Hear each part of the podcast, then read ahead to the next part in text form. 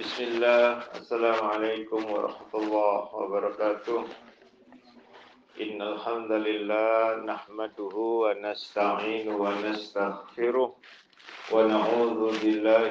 min sururi anfusina wa min sayyiati a'malina. May yahdihillahu fala mudhillalah wa man yudlil fala.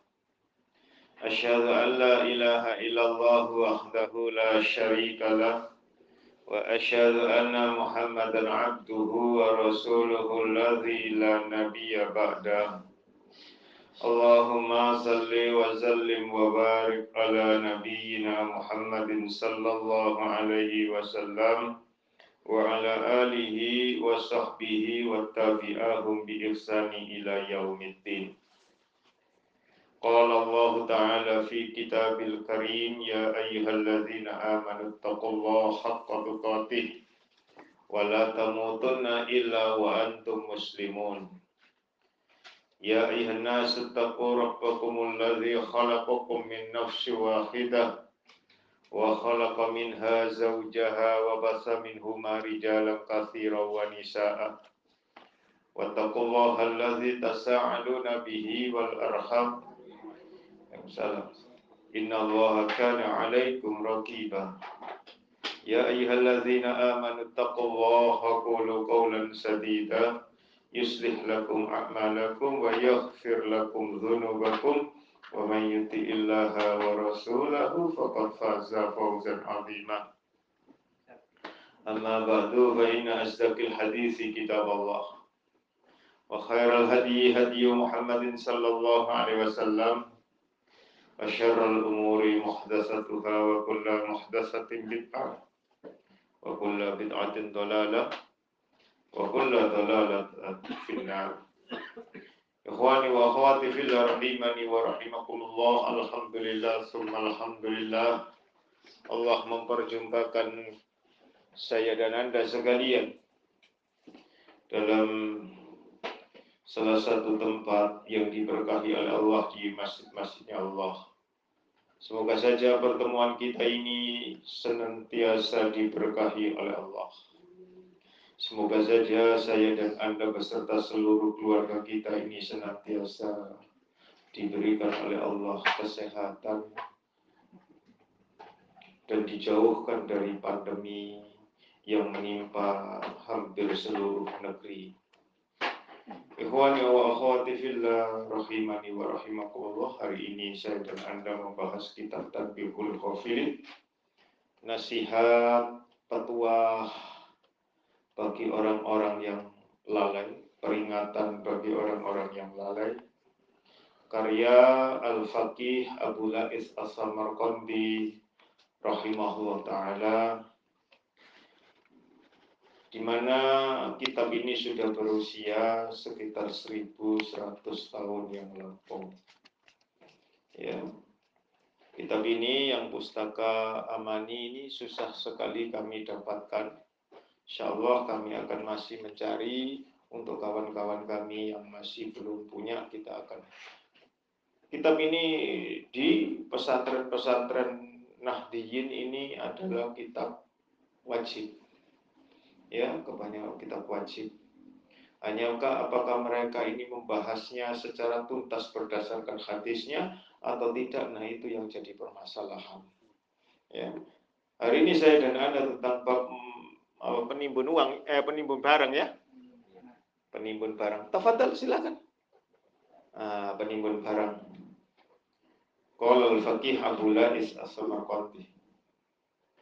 Al-Faqih Al-Faqih menuturkan dari Abdul Hasan Al-Hakim Az-Zaradi dari dari Bakar bin Al-Mus Al-Mutsana dari Hani bin An-Nahr dari Ahmad bin Khalid dari Muhammad bin Ishaq dari Muhammad bin Ibrahim dari Sa'id bin Al-Musyayyab dari Ma'mar bin Abdullah Al-Adawi ia berkata saya mendengar Rasulullah Shallallahu Alaihi Wasallam bersabda, "La yahtakiru illa khatibu."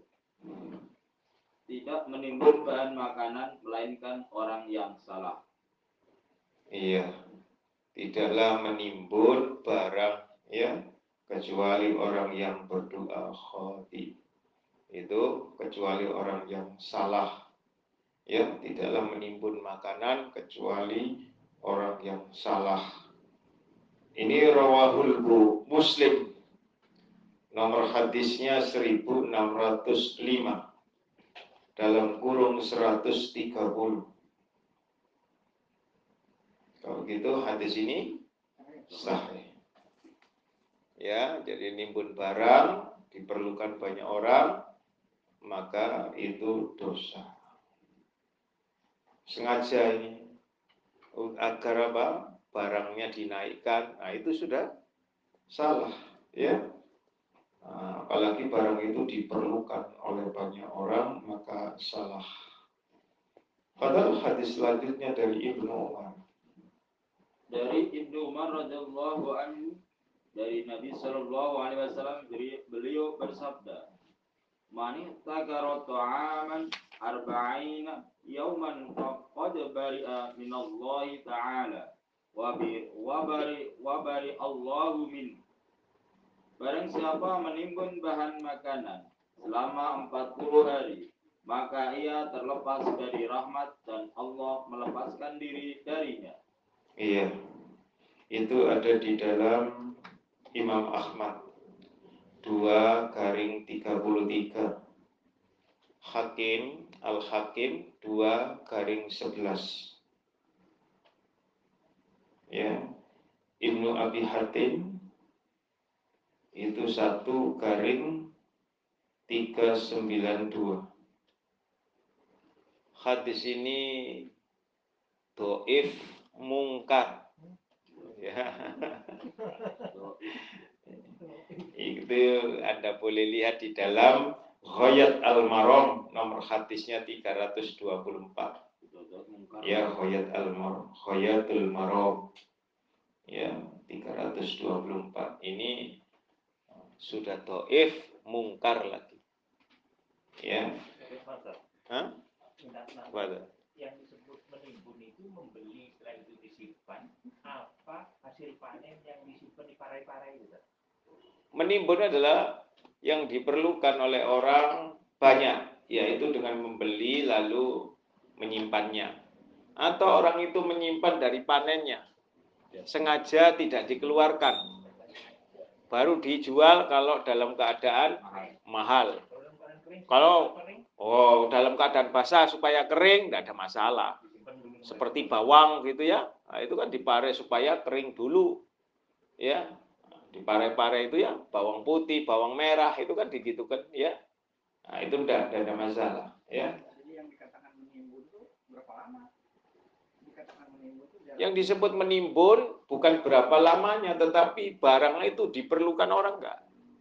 katakanlah kayak kemarin apa namanya hand sanitizer ya. Iya, Itu kan memang ada pandemi. Orang pada bikin semua mahal kan iya, ha. Ketika saya beli katakan sepuluh ribu, saya jual delapan puluh ribu, kan itu jadi mahal banget. iya. Saya nggak menimbun, jadi ambil terus saya jual gitu. Boleh nggak itu? Kalau tidak nimbun tidak ada masalah. Oh tidak, kalau menimbun itu yang lagi diperlukan oleh orang kemudian dia tidak mau menjualnya. Ya, seperti masker kemarin kan ya tidak mau jual nanti, tunggu dulu. Mau dengan harga tinggi sekali. Nah, itu menimbun. Banyak kan Tidak selalu juga. Ya, tapi rata-rata kan namanya menimbun kan banyak ya. Ya, ratanya menimbun mesti banyak. Ya. Iya. Yang dimaksud nimbun di sini kan nimbun yang berhubungan dengan makanan. Tidak selalu. Karena- Apa saja yang diperlukan. Ya Se- Sekarang seperti pandemi begitu butuhnya masker ya kan, hand sanitizer, kemudian masih ma- macam seperti apa disinfektan ya. Ah ini itu perlu sekali. Ini kalau udah udah tahu mau naik gitu ya, Mm-mm. misalnya nyetok ya, Mm, itu boleh. Boleh stop. Kan belum lah, kan diberi kabar nih mau naik nih kabar-kabarnya ya. Ah, bukan menimbun itu. Ketika masih orang ber apa itu membutuhkan, dia sengaja simpan, tidak mengeluarkan. Ya tak? Nah, itu menimbun. Perkara Anda nanti jualnya, stok dulu, kemudian Anda jualnya dengan harga pasar, harga tinggi, tidak ada masalah. Bukan menimbun.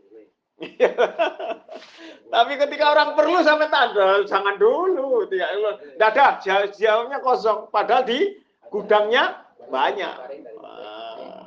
Ya, itu. Silakan hadis selanjutnya. Ya. Said diriwayatkan dari Said bin Musayyab dari Umar bin Al-Khattab radhiyallahu anhu dari Rasulullah sallallahu alaihi wasallam bersabda Al-jalibu marzukun wal mu'takaru mal'un. Orang yang mendatangkan bahan makanan itu diberi rezeki yang banyak sedangkan orang yang menimbun bahan makanan itu dikutuk. Ya itu sebutannya pengimpor gitu ya. Hadis ini ada di dalam Rawahul Ibnu Majah. Ya, Ibnu Majah nomor hadisnya 2153. Al-Hakim 2 garing 11. Al-Baihaqi 6 garing 30. Hadis ini doif ya ada lagi di dalam Ghayatul Maram nomor hadisnya 327 doif. Ya nah, jadi jadi doif di sini dilihatnya dua. Ada dari secara sanat ya ada yang secara mata. Ya. Ya ini yang harus kita ketahui Iya, Father. Ini kita kan 1100 tahun yang lalu. Kan? Iya. Ha. Ini memang nggak ada catatan kakinya keterangan dari setiap hadis ini. Oh tidak, Memang nggak ada. tidak ada. Jadi, Jadi setelah mentah-mentah bahaya kita. iya betul. Semuanya, semuanya ya, semuanya. Seperti tarhib tarhib karya Ibnu Qudamah itu harus diteliti. Ibnu Qudamah itu ada 22 juz. Hadis apa aja itu? Iya, itu segala macam termasuk fikihnya Ibnu Qudamah. Tetapi hanya sahih tarhib tarhibnya hanya 6 juz. Dan itu sedikit. Berarti ini kita dibaca orang awam bahaya Ustaz. Kalau tidak paham bahaya. Ya, bahaya. Ya, jadi harus diteliti memang. ini jadi pegangan pesantren. Iya, supaya Anda dan saya kan mengerti. Makanya ya, nah itu harus mengerti. Karena banyak sekali hadis-hadis yang doif yang beredar. Kalau saya dan Anda tidak tahu seperti nasihul ibad, ya, nasihat untuk para hamba, ya, karya. Al-Bantani. Itu banyak sekali, mohon maaf, hadis doifnya. Dan itu diajarkan di mana-mana, termasuk di Raudatul Jannah. Nah, so itu, padahal itu hadisnya banyak yang doif. Lah ya itu kan kan masalahnya kan anggapannya semua yang bahasa Arab sohe kan susah ya toh? Ya. Contoh lagi, Duratun Nasihin. Ya toh? Itu kan terkenal. Dan itu merupakan kitab panduan juga. Tetapi ya banyak yang salah. Nasihin. Al-Ihya Ulumuddin. Ya kan? Itu sampai dikoreksi oleh santrinya sendiri oleh Imam Al-Ghazali. Ibnu Arabi. Itu santrinya sendiri. Ternyata tidak kami ketemukan di hadis mana pun ini. Begitu. Tetapi Ibnu Arabi ini dimusuhi oleh teman-temannya. Karena berani mengkritisi gurunya. Gimana? Salah. Jadi banyak. Contoh Imam Syafi'i. Ya, al-um. Maka sekarang timbul yang sudah di tasheh namanya sahih al-um. Yang beredar kebanyakan adalah ringkasan dari al-um. Ada yang 18 jilid, ada yang 15 jilid. Al-um sendiri 23 juz. Kalau begitu banyak yang hilang kan? Al-um. Kalau yang fanatik, ya mohon maaf ini. Wow, dulu mana yo? Al-Bukhari sama Imam Syafi'i. Ayo, tua mana? Pintar mana? Ya, gitu. Yang tidak paham. Ya, sengaja. Orang yang beli ilmu itu pinter-pinternya nyari. Jadi perma tetapi kalau Anda dan saya lihat muslim, agama ini ya yang membuat agama ini terpelihara itu karena sanat. Tersebab sanat. Ya, tersebab sanat. Nah, ini yang perlu saya dan Anda pelajari. Makanya saya hanya oh ini toif gitu saja supaya tidak panjang-panjang. Ya toh? Ceritakan, waduh Hilyatul Aulia 35 juz harus dibuka. Ya, siar uh, A'lam An-Nubala karya Imam Az-Zahabi. Wah, banyak sekali berapa juz itu kalau menyelesaikan. Ya, kemudian apa yang namanya Ibnu Qayyim Al-Jauzi Mizanul Iqtidal ya itu berapa juz tentang orang-orang ini. Nah, kalau tidak ditemukan di situ bagaimana? Semuanya dibuka kitab perawi tidak maka disebutnya majhul. Gitu ya. Jadi tertipunya ada di sana saya jangan tertipu. Dahulu kami kata Ibnu Abbas ya begitu sahabat berbicara mengenai hadis semuanya mendengarkan akan tetapi sejak bercampur antara unta binal dan unta yang penurut, maka kami tidak lagi mendengarkan. Tidak lagi antusias mendengarkan sunnah Nabi Shallallahu Alaihi Wasallam. Tetapi kami menyaring dari siapa dia berbicara dan siapa yang berbicara. Itu sahabat loh. Ya. Ya, Khawatirnya yaitu tahun-tahun fitnah. Tahun fitnah terjadinya sejak Utsman bin Affan wafat. Lalu kemudian Ali mengatakan harus berzana. Ya. Silakan hadis selanjutnya. Sapi ya. As-Sa'di meriwayatkan bahwa ada seorang yang bermaksud menyerahkan anaknya untuk suatu pekerjaan. Lantas ia mohon petunjuk kepada Nabi Shallallahu Alaihi Wasallam. Maka beliau bersabda, La tuslimu illa hannat yabi'ul hantata wala ila jazzar wala ila man يبيع الحق أما الحنات فلا أن يلقى الله تعالى زانيا أو شارب خمر خير له. من أن يلقى الله تعالى وهو قد جلس جلس الطعام أربعين ليلة وأما الجزار فإنه يذبح حتى تذهب الرحمن رحمن. Min qalbi wa amma ba'i'ul akfani wa innahu yatamanna li ummati li ummatil mauta wal maulud min ummati ahabbu ilayya minat dunya wa ma fiha. Yang artinya, jangan kamu serahkan anakmu kepada penjual gandum, tukang jagal, dan penjual kain kapan. Sekiranya penjual gandum gandum mengharap menghadap Allah Ta'ala dalam keadaan berzina atau meminum minuman keras itu lebih baik baginya daripada ia menghadap Allah Ta'ala dalam keadaan menimbun bahan makanan selama 40 hari. Mengenai tukang jagal, ia suka menyembelih binatang sehingga rasa kasih sayang dari lubuk hatinya hilang. Sedangkan penjual kain kapan, ia akan mengharapkan adanya kematian dari umatku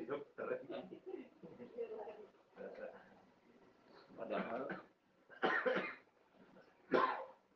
Padahal lahirnya seorang anak dari umatku itu lebih aku sukai daripada dunia dan isinya. Iya. Hadis ini ada munkoti. Terputus sanatnya. Sehingga doif. Ya. Ini ada di dalam Al-Mutallib Al-Aliyah. Ya, juz 1 halaman 379 hadis nomor 1272. Ya, doif. Ada yang sahih tetapi susah sekali dimengerti. Silakan hadis selanjutnya. Dari Rasulullah Sallallahu Alaihi Wasallam. Ada kan ya? Dari Rasulullah Sallallahu Alaihi Wasallam. Dari Rasulullah Shallallahu Alaihi Wasallam beliau bersabda, "Ana la us'iru fa inna Allah Taala wal mus'ir." Aku tidak akan menentukan harga karena sesungguhnya Allah Taala yang menentukan harga. Ini Rawahul Abu Dawud. Nomor hadisnya 3451. At-Tirmizi 1314. Ibnu Majah 2200 ini dari Anas bin Malik radhiyallahu an. Hadis ini sahih.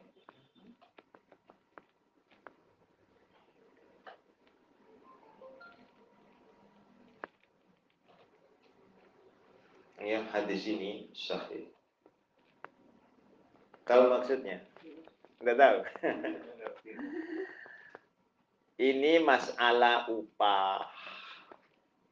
Ya, masalah upah. Upah dari juru dakwah. Rasulullah Shallallahu Alaihi Wasallam tidak menetapkan harga, tetapi Allah lah yang menetapkan harga. Artinya Allah lah yang menggerakkan hati seseorang untuk bersedekah kepada Rasulullah Muhammad Sallallahu Alaihi Wasallam. Ya, bersedekah kepada fukara wal masakin. Iya, ya. Nah, jadi ya, demikian ini harga. Dia tidak menetapkan harga. Jadi misalkan ini, Anda kulaannya 10 ribu. Tadi Anda bilang jual 80 ribu. Gitu ya? Boleh. Allah Ta'ala itu yang menetapkan harga. Kan takdir ada. Perkara ada yang beli atau tidak, rezekinya masing-masing. Kemudian ada orang sudah beli dari Anda 80 ribu. Ternyata ya aku Sandi jualnya cuma 30 ribu. Dia menyesal, tahu gitu saya beli di Samen. Enggak, sudah rezekinya. Aku ada kok, ya. Enggak usah marah, enggak usah bingung, enggak usah menyesal. Wong sudah kadung. Ya kan? Enggak usah menyesal. Ya, ini. Jadi itu hadis selanjutnya diriwayatkan dari Rasulullah SAW. Diriwayatkan dari Rasulullah Shallallahu Alaihi Wasallam beliau bersabda, Al ghala'u war raqsu jundan bin junudillahi ta'ala ismun ahaduhuma. Ar-rahbatu wa ismul akharur rahbah. Wa idza arada Allah ta'ala ayyurah ayyurah fadabar rahbah fi qalbir rijal wa akhrajahu min aidihim wa rakhasa wa idza arada Allah ta'ala ayyuhliyahu wa dafar rahba fi qulubir rijal wa kasabuhu bil aidihim Mahal dan murah itu adalah dua di antara serdadu serdadu Allah Ta'ala. Satu di antara keduanya itu bernama keinginan dan yang satunya lagi bernama ketakutan. Apabila Allah Ta'ala bermaksud memurahkannya, maka ia memasukkannya rasa takut ke dalam hati orang-orang. Lantas ia mengeluarkan dari simpanan mereka, maka harganya menjadi murah. Dan apabila Allah Ta'ala hendak memahalkannya, maka ia memasukkan ke kesenangan ke dalam hati orang-orang lantas mereka menyimpan apa yang ada pada mereka secara akal benar. Betul tidak ya? Jadi kalau semua barang itu banyak di sana, mesti murah. Ya kan? Bahkan turun. Itu turun. Nah, tapi kalau barang itu jarang, maka semakin mahal. Susah didapat maka.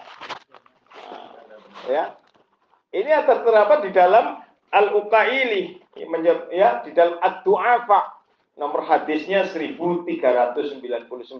Ini ada di beberapa tempat. Hadis ini batil. hadis ini batil. Ya, tapi secara akal masuk nggak? Masuk. Ekonomi ya. Sampai Al-Jauzi saja menyebutkannya di dalam Al-Mawdu'at. Hadis ini. Ya. Ibnu Jauzi. Ya, ini ya. Uh, Lalu kemudian tertawa ini. Sekarang anjuran untuk tidak banyak tertawa. Ya.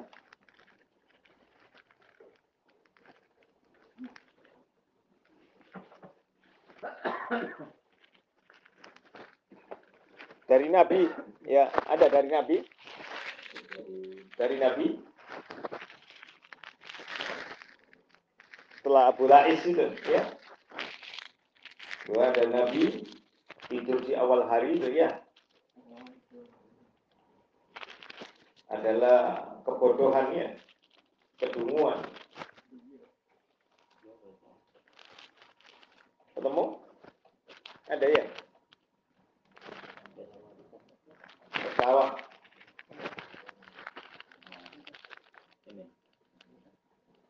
Oh iya, tahu. Selanjutnya itu. Iya.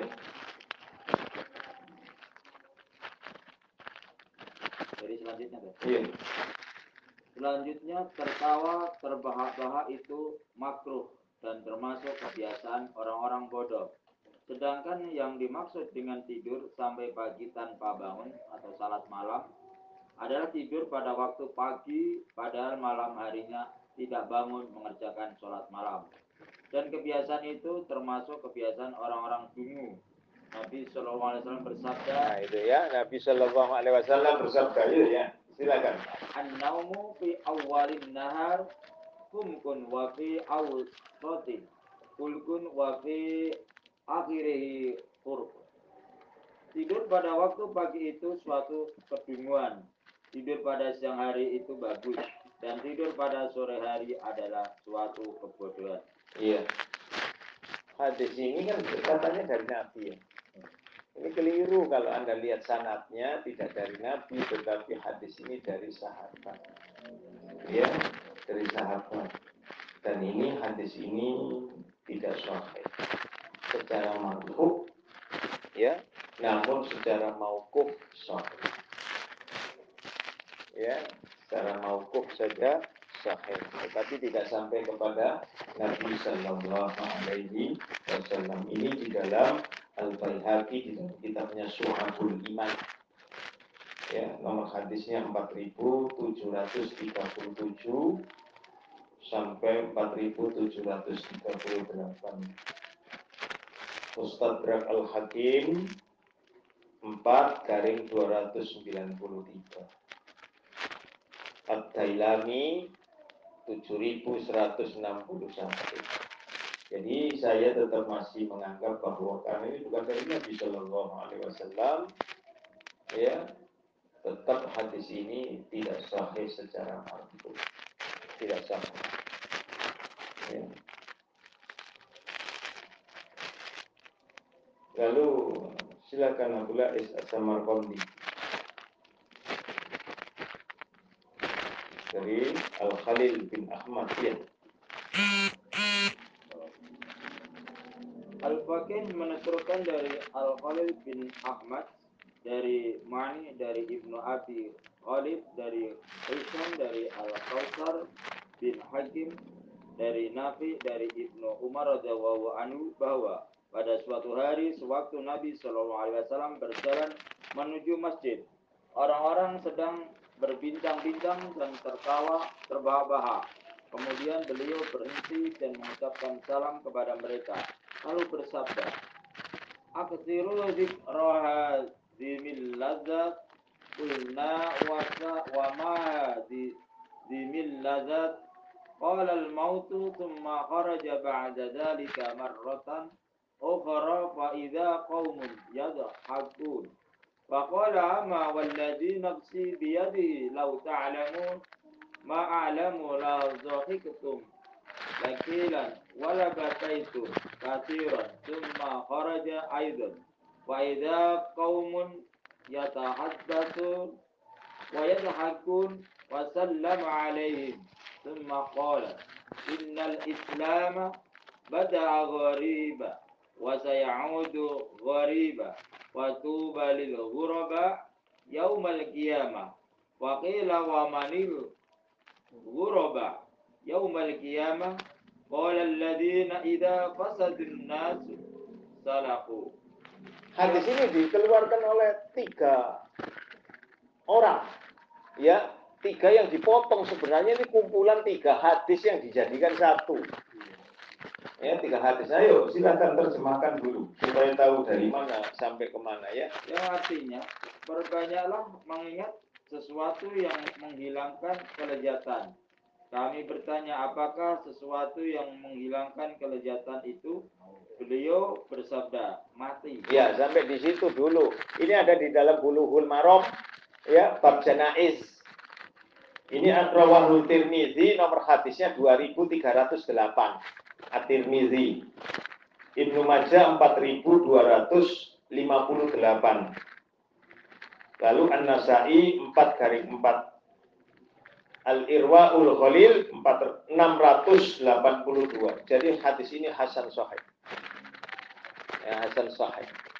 Itu ada di dalam Bulughul Maram. Setelah itu silakan teruskan artinya tadi. Kemudian beliau keluar dan melihat ada orang-orang yang sedang tertawa. Beliau lalu bersabda, Ingatlah demi zat yang jiwaku berada dalam genggamannya. Seandainya kamu mengetahui seperti yang aku ketahui, niscaya kamu sedikit tertawa dan banyak menangis. Sampai di situ. Ini mutafakun alaih. Ya, hadis ini sahih mutafakun alaih. Lu'lu wal marjan ada. Ya. Al-Bukhari nomor hadisnya 6486. Lalu Muslim 2359 ini dari Anas bin Malik. Ya. Jadi menyedikitkan tertawa. Jadi banyak seriusnya sebenarnya manusia di seluruhnya banyak serius. Kalau begitu berdasarkan ini maka pelawak itu diharamkan karena saking banyaknya tertawa. Lalu kemudian silakan teruskan artinya. Kemudian beliau tertawa, beliau lantas mengucapkan salam kepada mereka dan bersabda, sesungguhnya Islam itu pada mulanya asing dan nanti akan kembali asing. Maka beruntunglah orang-orang yang asing nanti pada hari kiamat. Ada orang yang bertanya, siapakah orang-orang asing nanti pada hari kiamat?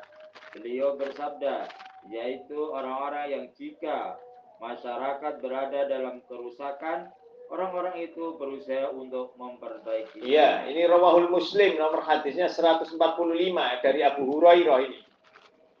Ya, At-Tirmizi 2629. Ibnu Majah 3986. Jadi sahih. Ya, jadi sudah orang-orang ketika manusia rusak, mereka tetap baik. Ya, al-huraba. Mereka mengadakan perbaikan. Tapi mana ada manusia merasa dirinya rusak? Tidak ada ya. Ah, tidak ada. Lalu Ja'far bin Aun. Ja'far bin Auf meriwayatkan dari Mas'ud dari Auf bin Abdullah ia berkata Nabi Shallallahu Alaihi Wasallam tidak pernah menoleh kecuali dengan seluruh wajahnya. Dari hadis ini bisa diambil kesimpulan bahwa tersenyum itu boleh dan tertawa tidak boleh. Ya itu ya sampai di situ. Ya sampai di situ bahwa Nabi Shallallahu Alaihi Wasallam itu tidak pernah tertawa karena Nabi Shallallahu Alaihi Wasallam la yadhaku ila tabassum. Ya. Illa tabassum. Rasulullah SAW tidak pernah tertawa tetapi hanya tersenyum. Wala yaltafitu illa jami'an. Ya. Tidak mau menoleh kecuali secara keseluruhan. Tidak boleh. Hanya sekedar tidak kalau noleh ya noleh. Gitu ya.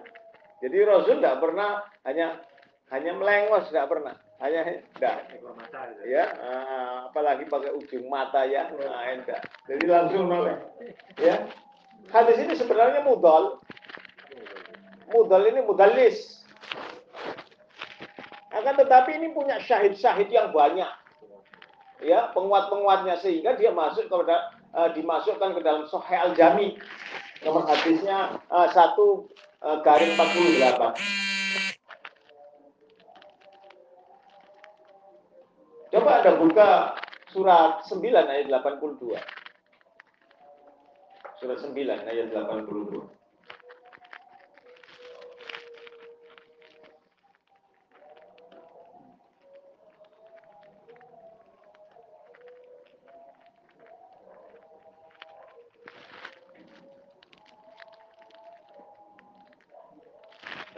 Ketemu ya? Silakan. Fadal. Surat 9 ayat 82 Maka biarkanlah mereka tertawa sedikit dan menangis yang banyak sebagai balasan terhadap apa yang selalu mereka perbuat. Nah, kebalikannya. Ya. Tertawanya sedikit, menangisnya banyak kelak nanti. Sekarang ini kita banyak menangis. Gitu ya, di dunia, tetapi mereka di akhirat nanti. Sedikit tertawa, banyak menangisnya. Tapi kita di dunia, orang yang beriman di dunia. Ada dalam surat An-Najm, surat 53, ya, ayatnya 59 sampai 61.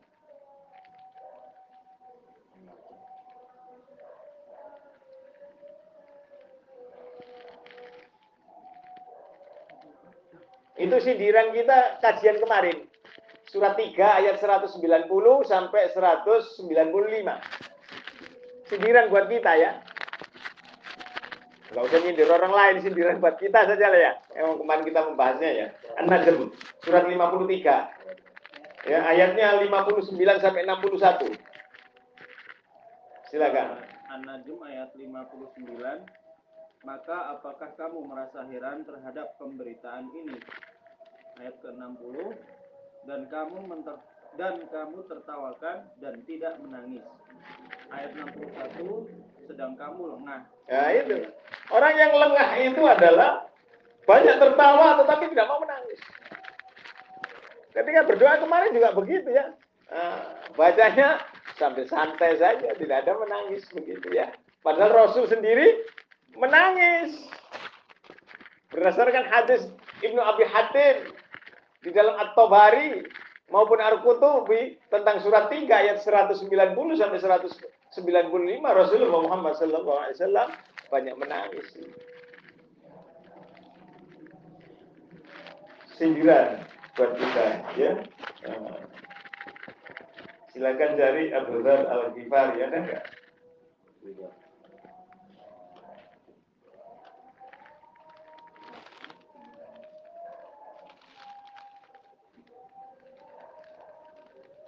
Iya, ada Dhar Al-Ghifari.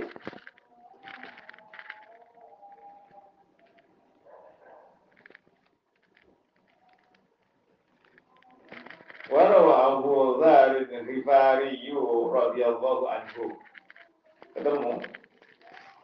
Itu kan penjelasan-penjelasan itu ya.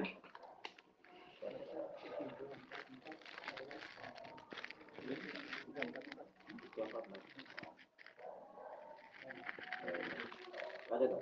Iya, silakan Abu Ghifari. Abu Dzar Al Ghifari radhiyallahu anhu meriwayatkan dari Rasulullah sallallahu alaihi wasallam beliau bersabda, "Lau ta'lamuna ma a'lam, la dhahikum qalilan wa la bakaitum katsira, walau ta'lamun ma a'lamu la kharajtum ila su'udat." taj'aruna ila rabbikum wa tabkuna walau ta'lamuna ma a'lam wa in basattum ila nisaikum wa la taqarrartum ala furushikum. Lawatidtu anna Allah khalaqani syajaratan tu'adha. Seandainya kamu mengetahui apa yang aku ketahui, niscaya kamu sedikit tertawa dan banyak menangis. Seandainya kamu mengetahui apa yang aku ketahui, niscaya kamu akan pergi ke dataran tinggi meraung-raung kepada Tuhanmu dan menangis. Dan seandainya kamu mengetahui apa yang aku ketahui, niscaya kamu tidak akan bersukaria dengan istri-istrimu dan tidak tenang di tempat tidurmu. Dan sungguh aku senang seandainya Allah menciptakan aku pada saat dia menciptakan aku dijadikan pohon yang diterbang orang, ditebang orang. Ini dua hadis. Yang terakhir, sungguh aku ingin bahwa Allah menciptakan aku pada hari dia Allah menciptakan aku sebagai pohon yang ditebang itu hadisnya mudrat itu ada di dalam Ahmad di dalam kitabnya Az-Zuhud ya tentang zuhud. Ya nomor hadisnya 182 ini juga ditinggalkan hadis ini. Akan tetapi yang ke atas mulai dari uh, Anda bersenang-senang dengan istri ya niscaya kalian tidak akan senang di atas tempat tidur kalian itu sahih ya jadi sedikit mulai dari sedikit tertawa tadi ya itu sahih. Itu ada di dalam At-Tirmizi nomor hadisnya 2312. Lalu Ibnu Majah 4190. Ya ini Ahmad 5 garing 173. Sahih ini. Mudrat, mudrat itu tambahan yang tidak perlu sebenarnya. Tapi tertulis oleh nah, Imam Ahmad bin Hambal di dalam kitab beliau Az-Zuhud. Ya, Az-Zuhud. Maksudnya apa? Nah, masuknya Imam Ahmad memasukkan di dalam kitab Az-Zuhud agar manusia ini tidak mengejar keduniawian. Ya. Sungguh aku ingin Allah menciptakan apa? Dia menciptakanku sebagai pohon yang ditebang. Artinya mudah sekali ditebang sekali tebas selesai. Tidak ingin jadi manusia. Karena manusia punya apa? Banyak keinginan. Banyak mau. Dan menuntut selalu menuntut menuntut dan menuntut itu ya manusia sudah sifatnya manusia Maka masuk mudrat ya tapi yang hadis yang depannya, seandainya kalian mengetahui, niscaya kalian itu akan sedikit tertawa. Itu betul, hadis itu sahih. Itu hadis itu sahih. Lalu Sufyan.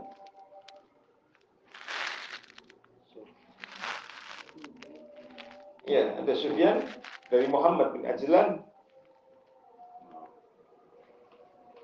Sufyan meriwayatkan dari Muhammad bin Ajlan tentang hadis yang berbunyi kullu ainin baqibatun yaumal qiyamah illa talata a'yuni ainun bakat min khasiyatillahi ta'ala wa ainun ghaddat an maharimillahi ta'ala wa ainun syahirat fi sabilillahi ta'ala.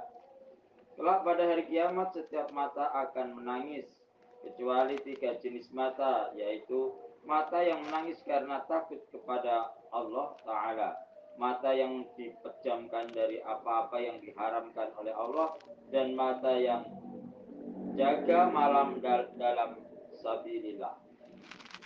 Ayat hadis ini ada di dalam Hilyatul Aulia Abu Nu'aim juz 3 halamannya 163 ya juga Ibnu Al-Jauzi di dalam Dham Dhammul Hawa nomor hadisnya 141. Ini dituliskan oleh Al-Albani sebagai di dalam kitab beliau Ad-Do'ifah nomor hadisnya 1562. Hadis ini ya do'ifut jiddan ya do'ifut jiddan ya dhaifun jiddan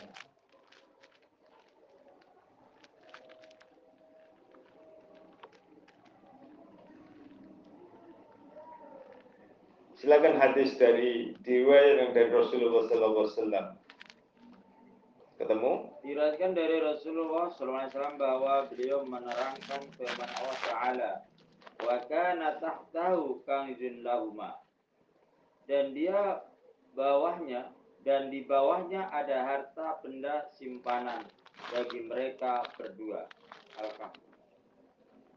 Gitu. Iya, terus. Hadisnya ya. Iya. Beliau bersabda, "Kana tahtahu lauhun min zahabin maktubun fihi khamsah." di sini dulu. Pas Isa ya. Nah, insya kita akan teruskan.